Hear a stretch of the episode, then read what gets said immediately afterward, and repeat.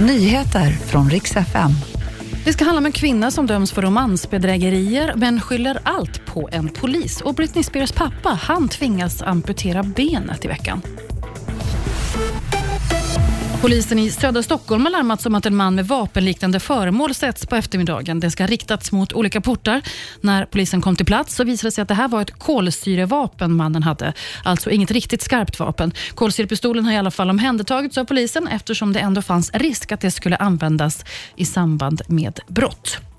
En 35-årig kvinna har dömts för romansbedrägerier men hon överklagar och skyller allt på en polis. Kvinnan dömdes till två och ett halvt års fängelse för ett 60-tal fall av bedrägerier.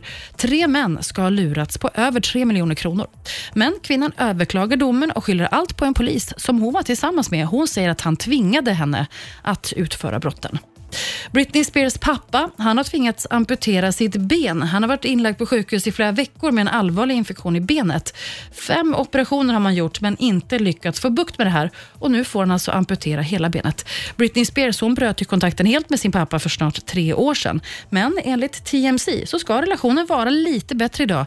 Hon ska till och med ha erbjudit sig att betala för pappas sjukhuskostnader. Jag heter Maria Granström och det var nyheterna.